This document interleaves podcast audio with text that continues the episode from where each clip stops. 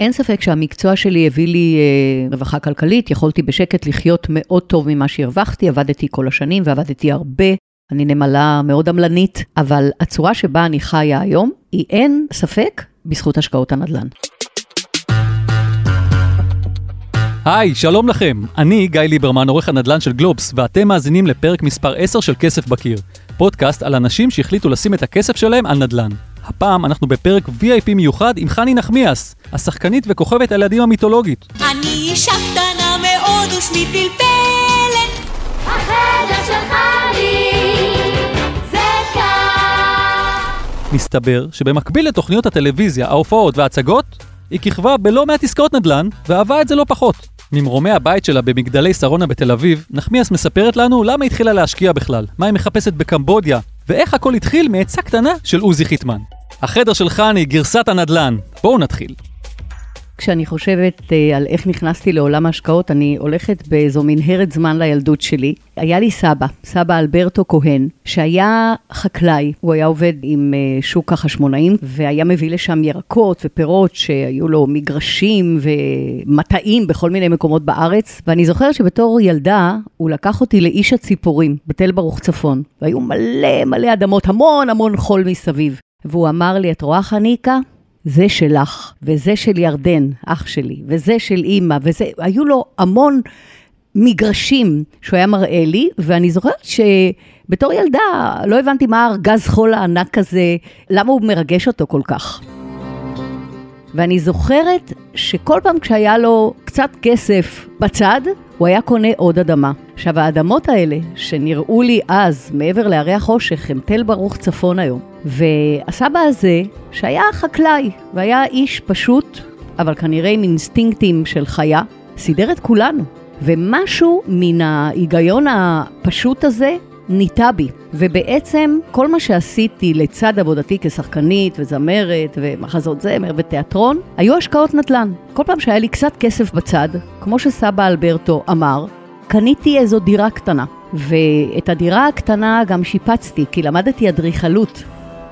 כן, כן, בשנות ה-20 שלה, עוד לפני שהייתה בכלל כוכבת נודעת, חני נחמיאס הלכה ללמוד בכלל אדריכלות בעידודו של סבא אלברטו. אז היא כנראה עוד לא הבינה את זה, אבל זה נתן לה ארגז כלים חשוב לחיים. עכשיו, בואו נחזור לדירה הראשונה ולעסקה הראשונה שלה. ההשקעה הראשונה שלי הייתה דירה שקניתי ברמת גן. אני חושבת שהיא עלתה איזה 130 אלף דולר, משהו כזה, זה מה שאני זוכרת. אז כל המחירים של הדירות היו בדולרים. שיפצתי אותה ומכרתי אותה אחרי שלוש או ארבע שנים בכמעט אה, כפול מהסכום שקניתי, בגלל שהבזרתי אותה וצבעתי אותה וסידרתי אותה בצורה שהייתה מאוד קורצת לקונה הבא שנכנס לשם. אני חושבת שהייתי בת 28, משהו כזה. אגב, באתי מבית ממוצע מינוס מבחינה כלכלית. זאת אומרת, אני הרבה פעמים שמעתי בילדות שלי אין וכרגע לא ואי אפשר. בגלל שסיפרתי על הסבא, אז שיהיה ברור, זה לא הייתה משפחה עתירת ממון. ואני גם לא ראיתי אף אחד אחר חוץ מהסבא עושה עסקאות נדל"ן. אני חייב לעצור כאן רגע כדי להתייחס לנקודה ממש מעניינת. חני מספרת שאת ההשקעה הראשונה בתחום היא עשתה לפני גיל 30, וזה מזכיר לי לא מעט מהאורחים שלנו בפרקים הקודמים, שסיפרו איך בגיל צעיר הם נכנסו להשקעות דומות. למשל, מעיין ברגר, שהתראיינה בפרק הראשון, ורכשה בתים בבאר שבע, במקום לטוס לטיול אחרי צבא. או אלון ואריאנה, שהתחילו לרכוש דירות בזמן השירות הצבאי, והתארחו בפרק התשיעי שלנו. אם עוד לא האזנתם להם, אני ממליץ בחום. בכל אופן, אם נודה על האמת, רוב האנשים ממש לא חושבים מה לעשות עם הכסף שיש להם בגיל הזה, או איך לייצר מקורות הכנסה נוספים. וזה גרם לי לחשוב מה התפקיד של הורים או סבים וסבתות, כמו במקרה של נחמיאס, לעידוד יוזמות כאלה. כששאלתי את חני אם היה עוד מישהו שהכיר לה את הנושא חוץ מסבא אלברטו, היא סיפרה לי על מנטור נוסף שהיה לה. מנטור שאת שמו כולנו מכירים.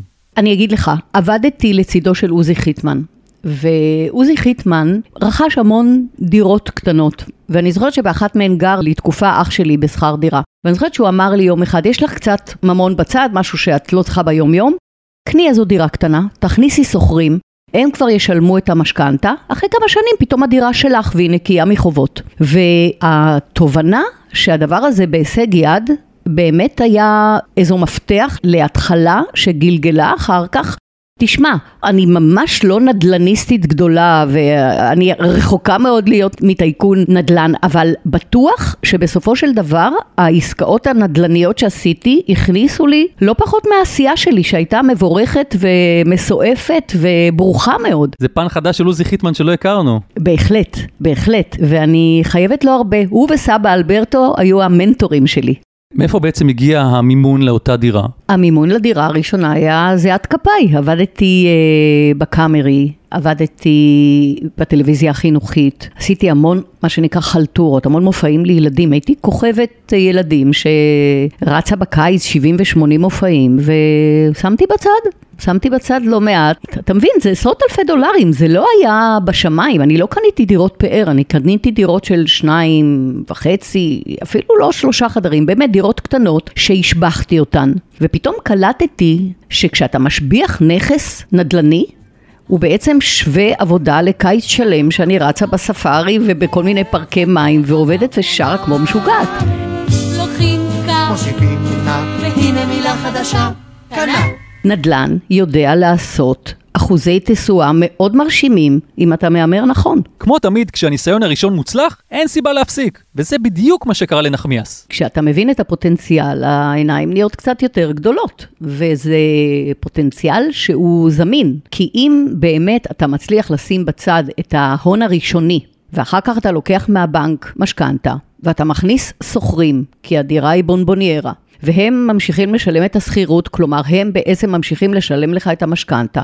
אז זה מין פטנט נורא פשוט. זה נכון שהנורא פשוט הוא במרכאות, כי אתה צריך עדיין את ההון הראשוני הזה. הבנק נותן לך משכנתה רק אם אתה מגיע עם ה-300-400 אלף דולר הראשונים, או 150 אלף דולר הראשונים, זה תלוי מה אתה עומד לקנות. אבל אם אתה מצליח לייצר את ההון הראשוני, וואלה, זה פשוט.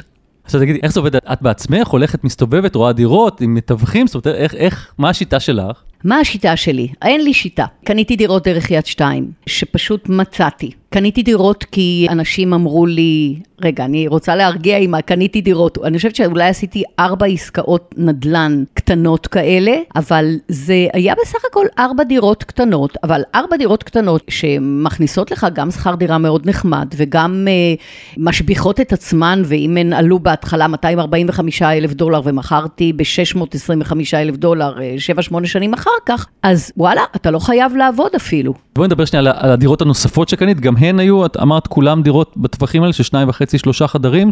זה הכיוון שאת זיהית אותו כנכון בשבילך? כן, אבל כשאתה קונה דירת שניים וחצי חדרים ברמת גן בשיקמה, היא עולה אחרת לגמרי מאשר שאתה קונה דירת שניים וחצי חדרים ברחוב שנקין מול קפה תמר.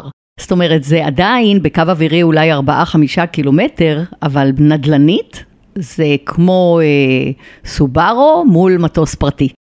כי ההשקעה בשנקין הייתה כבר של דירת יוקרה, שבאמת קניתי אותה ב-245 אלף דולר, ודרך מתווכת שפרסמה דירה לשיפוץ עצבני. זאת הייתה עמודה, אני זוכרת את זה, והמושג הזה, שיפוץ עצבני, הדליק את, ה... את כל היצירתיות האדריכלית שבי, ובאתי לראות את הדירה. זה מצחיק, בסוף לא קניתי את הדירה לשיפוץ עצבני, אלא היא לקחה אותי לראות את אותה דירה בשנקין שהייתה כה מדוגמת, שפשוט נכנסתי, והלב שלי פעם, תדע, זה מדהים. אבל נדל"ן מרגש אותי, אני רוצה להגיד לא פחות, אבל אני, נדמה לי שאני יכולה להגיד אפילו יותר מפרמיירה של המחזמר הכי משמעותי שעשיתי בחיים שלי. כשאני רואה בתים יפים, או, או דירות, או, או אפילו בתים הרוסים עם פוטנציאל, או להרוס ולבנות, או אזורים שמדליקים אותי, וואלה, יש בי התרגשות של חדוות יצירה ורצון לטרוף יותר מתפקיד עסיסי. ואני זוכרת שנכנסתי לדירה הזו בשנקין והיה לי בום. היא עוד לא ידעה, אבל אני כבר קניתי את הדירה הזאת. עכשיו זה רק היה משחק של תראי, אני לא יודעת, היא קטנה, היא... איזה קטנה, היא הייתה בונבוניירה של העולם. היא גם הושכרה במחיר מטורף, באמת, זאת המשמעות הגדולה של 4-5 קילומטר בין גבעתיים או רמת גן לבין תל אביב. על איזה שנה אנחנו מדברים? אני מנסה אה, לחשוב, לדעתי זה לפני איזה 12 שנים. קניתי את אותה דירה בשנקין, מכרתי אותה לפני כארבע שנים, לצערי הרב, כי הייתי צריכה לממש אותה לטובת הפרויקט שהייתי מעורבת בו, בק... עודני, בקמבודיה, ומכרתי לטובת אותו פרויקט עוד דירה שקניתי עבור הבן שלי. כשהבן שלי הגיע לגיל 23, נו, חני, למה ספוילרים עכשיו על קמבודיה? חכי רגע, תכף נגיע לזה. לפני הכל, אני רוצה לשמוע כמה עלתה הדירה בשנקין. מכרתי ב-625 אלף דולר, מה שקניתי ב-245 אלף דולר. אז כאילו לא בשמיים, אבל תחשוב שבתוך כל הזמן הזה שגר בה מישהו בשכירות, הוא גם שילם את רוב המשכנתה שאני לקחתי. אז בעצם אם אתה לוקח לתוך 245 אלף דולר האלה, חוץ מ-400 אלף דולר השבחה, את כל הכסף שהוא שילם בדרך, אז אני חושבת שהיה פה סיבוב מאוד נחמד. רווח, השבחה, סיבוב, מילים של נדל"ניסטים. אבל זה גרם לי לחשוב בזמן ששוחחנו, איך בכלל אנשים הגיבו כשהם ראו את כוכבת הילדים הנערצת שלהם, מגיעה לדירה שלהם, רוצה לקנות אותה, מתמקחת איתם במשא ומתן. ולא סתם מתמקחת, מתמקחת עם תימנים. והסיפור הוא כזה, הבן שלי היה בן 23, החלטתי שהגיע הזמן ש- let my people go, וקניתי לו דירה, קניתי אותה על שם החברה שלי. אבל קניתי דירה במרכז לב לב גבעתיים, ממש מול הקניון. אם אומרים שנדל"ן זה לוקיישן, לוקיישן, לוקיישן, בעיניי זה היה לוקיישן מטורף. הדירה הייתה אטרקטיבית בגלל המיקום שלה, אך בלתי אטרקטיבית לאנשים מבוגרים. היא הייתה דירה לצעירים. הזוג שקניתי את הדירה מהם דווקא היו הורים לי שלושה ילדים ואני לא רוצה לדמיין איך הם עשו את השלוש קומות האלה ברגל עם עגלות וילדים קטנים, אבל בשביל הבן שלי בן ה-23 קל הרגליים זאת הייתה מציאה. אבל הבחורה שפתחה לי את הדלת וראתה אותי, הייתה בחורה תימניה, יפהפייה, וכשהיא ראתה אותי, היא אמרה, oh my god, oh במבטא אמריקאי כל כך מובהק. ואז הסתבר שהיא עלתה לארץ לפני כמה שנים, נולדה וגדלה בלוס אנג'לס, ובאמת כל קלטות הילדות שלה היו חני. היו מביאים להם בלי סודות כדי שהיא תלמד עברית, והיא למדה עברית איתי. וזה היה משא ומתן קשה ומפרך. לא הורידו גרוש! וקניתי. אז הבן של חני גר בדירה סופר מעוצבת ומאובזרת שהכינה לו בגבעתיים. אבל אז הוא החליט יום אחד לטוס לטיול בקמבודיה. אחרי אה, חודשיים שלושה הבנתי שזה הולך להיות טיול ארוך מאוד, וגם בפנים בבטן ידעתי שהוא אה, לא יחזור כל כך בקרוב. נסעתי לשם עם הבעל שלי, הוא כבר הספיק לשכור לעצמו איזה בית קטן, חדש, שנבנה והוא היה הראשון שנכנס לגור בו. בית ממש קטן על מגרש גדול, בערך 300 מטר. באתי לשם והתחלתי ככה לבדוק את הסביבה. הרומן שלי עם קמבודיה הוא רומן כפוי, אבל uh, לאט לאט uh, הבנתי את הפוטנציאל שלו, וזה סיפור מקסים בעיניי. וכאן הגיע הטוויסט בעלילה. מדירות קטנות להשקעה בגבעתיים, נחמיאס נדדה בעקבות הבן להשקעות מעבר לים, אי שם בדרום מזרח אסיה.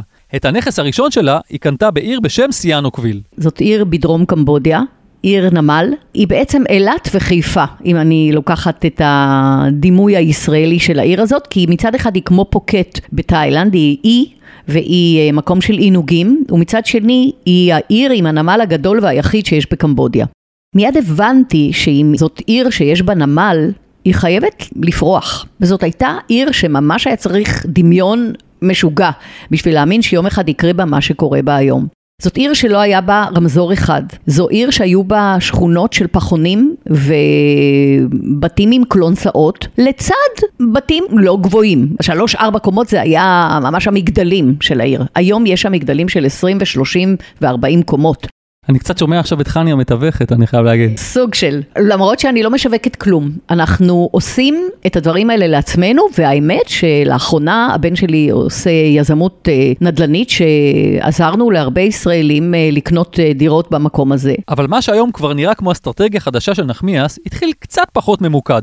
ניתן לחני לספר. קודם כל, באתי לבקר ושאלתי אותו מה אתה רוצה לעשות, הוא היה ילד בן 24 אני מזכירה, והיו לו המון המון המון רעיונות, והוא לקח אותי למקומות, הוא רצה לפתוח איזה אולם אירועים, והוא רצה אפילו לפתוח איזה אמיוזמנט פארק, הוא אמר אין פה לילדים מה לעשות כמו פארק שעשועים, ואני רק ראיתי ביטוחים וילדים נופלים מגלגלי ענק, ואמרתי לו תעזוב, קח אותי עם האופנוע מסביב.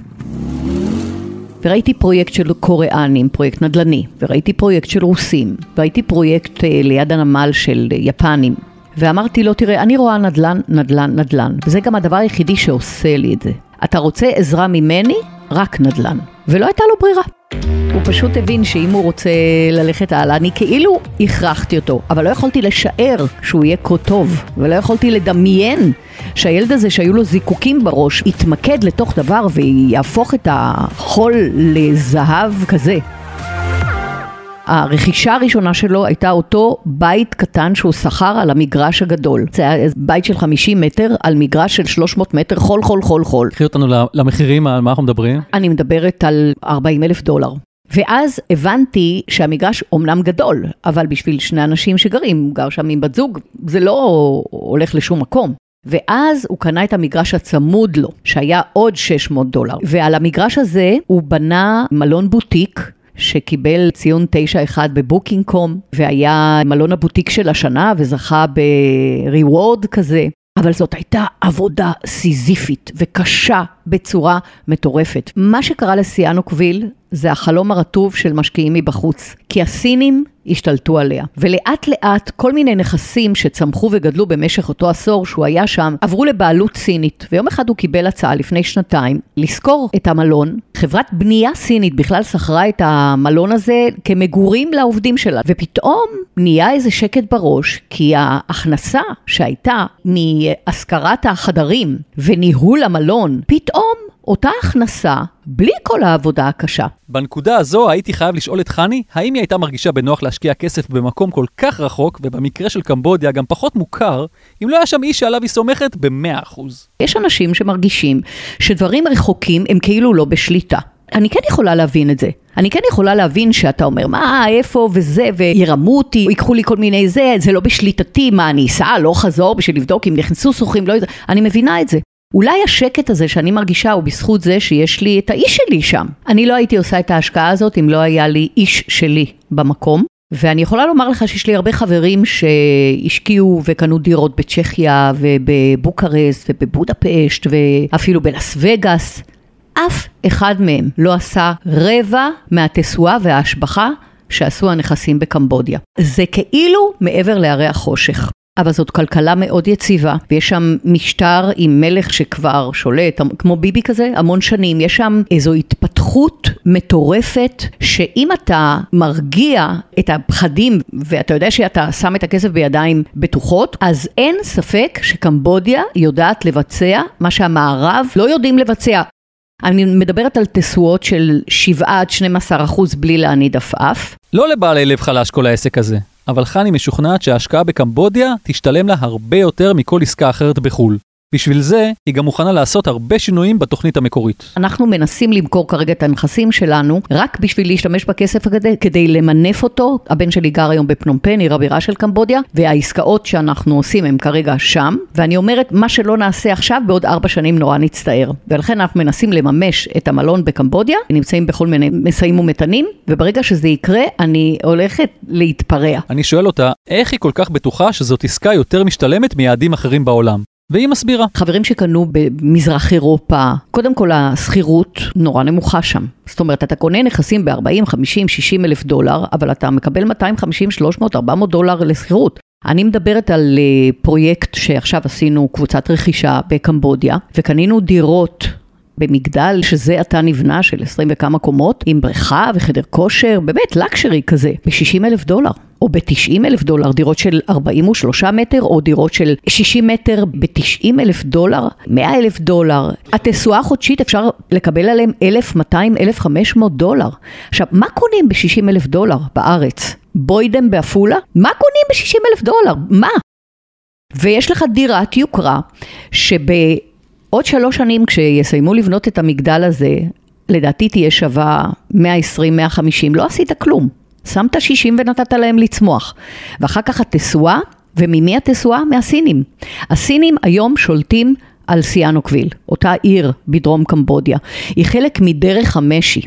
עיר שיש בה קזינואים, היא כמו סוג של מקאו.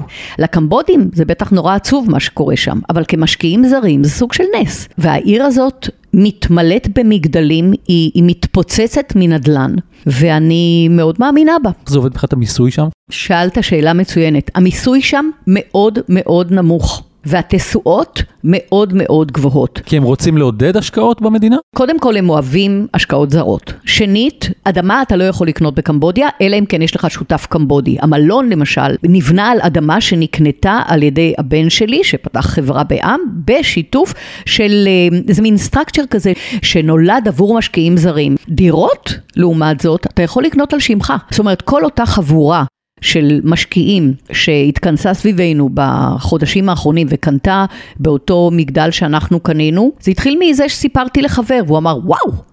אני מת על זה, זה מוצא חן בעיניי, זה נשמע לי מהמם. והוא הביא עוד שני חברים, ועוד... זה נהיה מין קבוצה יוקרתית וככה נבחרה בקפידה של אנשים שקנו דירות, ולפעמים גם שתיים וארבע, במקום שבעיניי יהיה פאר היצירה.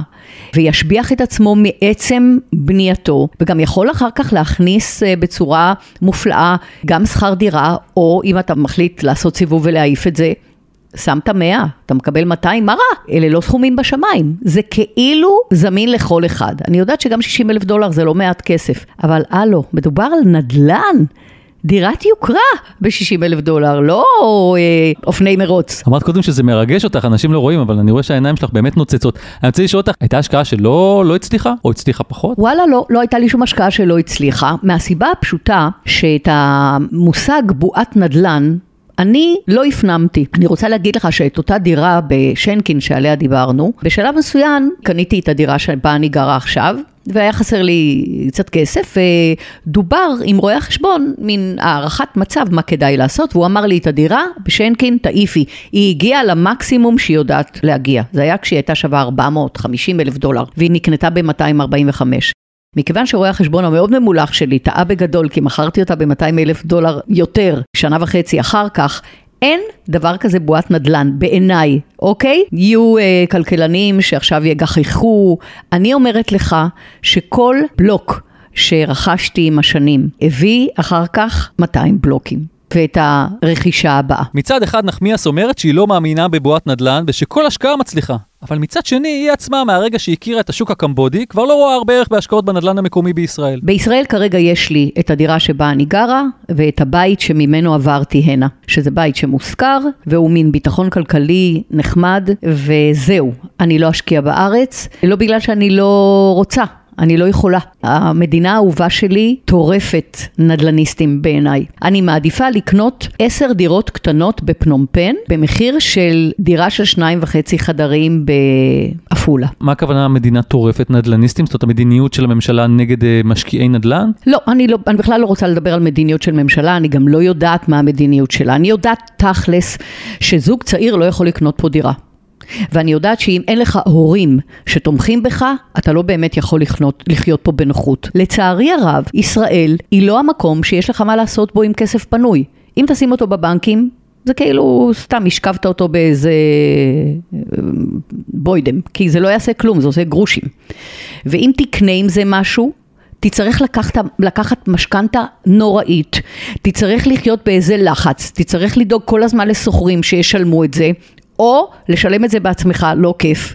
ואני גם יודעת על המון המון המון חברים שלי, שיש להם ילדים בכל מיני מקומות בעולם, שנאלצו או החליטו שיהיה להם יותר קל לבנות את עתידם שם. זה עצוב. אני עצוב לי שהבן שלי כל כך רחוק. הדבר היחידי שהכי משמח אותי זה שהוא אומר, כשנמכור את המלון ונתחיל לעשות השקעות, אני רוצה גם לקנות לעצמי דירה בישראל. זה נותן לי איזה מין אור שעדיין יש לו רצון להיות חלק מהמדינה הזאת שבה הוא גדל. אבל תכלס, את העסקאות לא כדאי לעשות פה. אפשר להגיד שבלי השקעות הנדל"ן, זאת רק על קריירת המשחק והאומנות לא היית מצליחה להגיע למה שהגעת? זאת אומרת, בזכות השקעות הנדל"ן הגעת למה שהגעת? ליציבות uh, כלכלית, רווחה כלכלית? אין ספק שהמקצוע שלי הביא לי uh, רווחה כלכלית, יכולתי בשקט לחיות מאוד טוב ממה שהרווחתי, עבדתי כל השנים ועבדתי הרבה, אני נמלה מאוד עמלנית, וסביר להניח שהייתי uh, חיה ברווחה ובצורה טובה, גם רק מאומנות. אבל הצורה שבה אני חיה היום, שהיא קצת יותר מטובה, היא אין ספק בזכות השקעות הנדל"ן. זה מין אה, שעשוע כזה, הנדל"ן, כי בעיניי אה, נדל"ן זה כמו לונה פארק גדול, מלא הזדמנויות, מתקנים מפחידים, אבל עם איזה רשת ביטחון שאני רואה אותה בעיניי ובדמיוני, ולא נפלתי. דירות קטנות, מלונות וקמבודיה. אנחנו נפרדים כאן מחני נחמיאס ואומרים שלום לפרשן הנדל"ן הבכיר של גלובס, אריק מירובסקי, ששמע את חני וכרגיל, יש לו כמה תובנות. היי גיא, נו, ראית עם מי נפגשתי? עם כן. חני נחמיאס בכבודה ובעצמה. לא תיארתי לעצמי שהיא כזו שקלית. מה אתה חושב? מה אהבת בהשקעות שלה? מה לא אהבת? למה התחברת? זה, יש שם הרבה השקעות אה, מעניינות וזה על רקע משפחתי, זאת אומרת, יש שם ממש אה, מסורת של השקעות. אבל אם אני מסתכל, לפחות סיפור אחד אה, טיפה עורר בי סימן שאלה, היא חיפשה דירה לשיפוץ ובסופו של דבר מצאה דירה מתוקתקת. בשנקין. ואתה יודע, כשאנחנו בדרך כלל כשמשקיעים, מחפשים דירות, אז הם מאוד ממוקדים. דירה לשיפוץ, עושים את החישוב כמה יעלה להם לשפץ, מיד מכליל, מכלילים את זה בתשואות, ומתקתקים בדרך כלל דירה אה, מפונפנת, דירה מוכנה, משופצת וכולי וכולי, זו דירה שהיא יקרה, אה, יקרה יותר, ודירה שנושאת איתה תשואות יותר נמוכות. אבל מעבר לזה, אני רואה את הכמות שהיא עושה, את ההתגלגלויות שלה, זאת אומרת, מדובר באישה שמאוד בקיאה בשוק. תגידי, דיברה איתי המון על קמבודיה, זה יעד שאני לפחות לא שמעתי עליו בעבר כיעד של משקיעי נדל"ן, ואותי מה שעניין שם זה בעיקר הסיפור עם הבן שלה, זאת אומרת יש לה שם מישהו מקומי, ופה אני רוצה לשאול שאלה קצת יותר רחבה, אתה חושב שבלי מישהו מקומי אפשר לעשות עסקאות, בטח בככה להיות רגועים בחו"ל? חד משמעית לא. Uh, במקרה שלה זה בן משפחה וזה נהדר, בתנאי בסוגריים שבן המשפחה באמת מעוניין בזה והוא uh, באמת, uh, איך אומרים, מקדיש את עצמו לנושא של השקעת הנדל"ן. במקרים אחרים uh, אתה צריך לשכור עורך דין מטעמך, סוכן, אולי סוכן נדל"ן, אולי סוכן אחר שייצג אותך, משום שכשאתה uh, רוכש דירה, בין אם בהונגריה או פולין, או בין אם בארצות הברית או בקנדה, אתה צריך מישהו שינהל עבורך את הנכס. לא מעט uh, משקיעים ישראלים נפלו בפח בגלל הדברים האלה. עוד משהו קטן שחני אמרה ומאוד מעניין, היא היום אומרת, אין מצב שאני משקיעה בישראל, התשואות בישראל ממש על הפרצוף. אתה שותף לדעה הזאת שלה? כן, במידה רבה היא צודקת. ההשקעות בישראל היום דורשות סופר מקצועיות, סופר ברורים, הן דורשות הרבה מאוד uh, חיפוש ועבודה. זה כבר לא מה שהיה פעם שהיית, אתה יודע, ליבר בוחר דירה בבאר שבע או, או דירה בהדר הכרמל בחיפה וקולע בול. היום המצב הרבה יותר סבוך. אז מי שרוצה להרוויח כסף גדול צריך לוותר על ההשקעות בישראל היום, לפחות בתחום הנדל"ן לדעתך? לאו דווקא, אני מניח שעם עבודת נמלים ועם עבודה באמת מקצועית אתה יכול למצוא עדיין uh, יעדים יפים להשקעה, אבל שוב זה דורש הרבה מאוד השקעה ולא לשכוח שהממשלה עשתה לא מעט בשנים האחרונות כדי להדיר את המשקיעים מהשוק. תודה רבה לך אריק, ותודה ענקית לחני נחמיאס שאירחה אותנו הכי יפה בדירה המקסימה שלה ושיתפה אותנו בהשקעות שלה. אתם מוזמנים ומוזמנות להגיב, לשתף ולהציע סיפורים באתר גלובס וברשתות החברתיות. ואם אהבתם, גם לפרגן לנו בלחיצה על כפתור ה follow או subscribe באפליקציות הפודקאסטים השונות. וכמובן, אל תשכחו לדרג אותנו באפל פודקאסט. השירים ששמעתם הם באדיבות ארכיון תאגיד השידור הציבורי כאן. ולפני שניפרד, אני רוצה להמליץ לכם על פודקאסט הצוללת, שבו אנחנו צוללים לעומק סיפורים כלכליים חברתיים. חפשו את הפרק למה צעירים הפסיקו לשתות של שחר סמוכה. פרק שלי באופן אישי עושה חשק לבירה קרה. תודה לעורך הפודקאסטים של גלובס רון טוביה. עכשיו עם כל הכבוד, שחררו אותי, כי אני בדרך להוציא ויזה לקמבודיה ולקנות שם איזה מלון. או שלא. אני גיא ליברמן. ביי!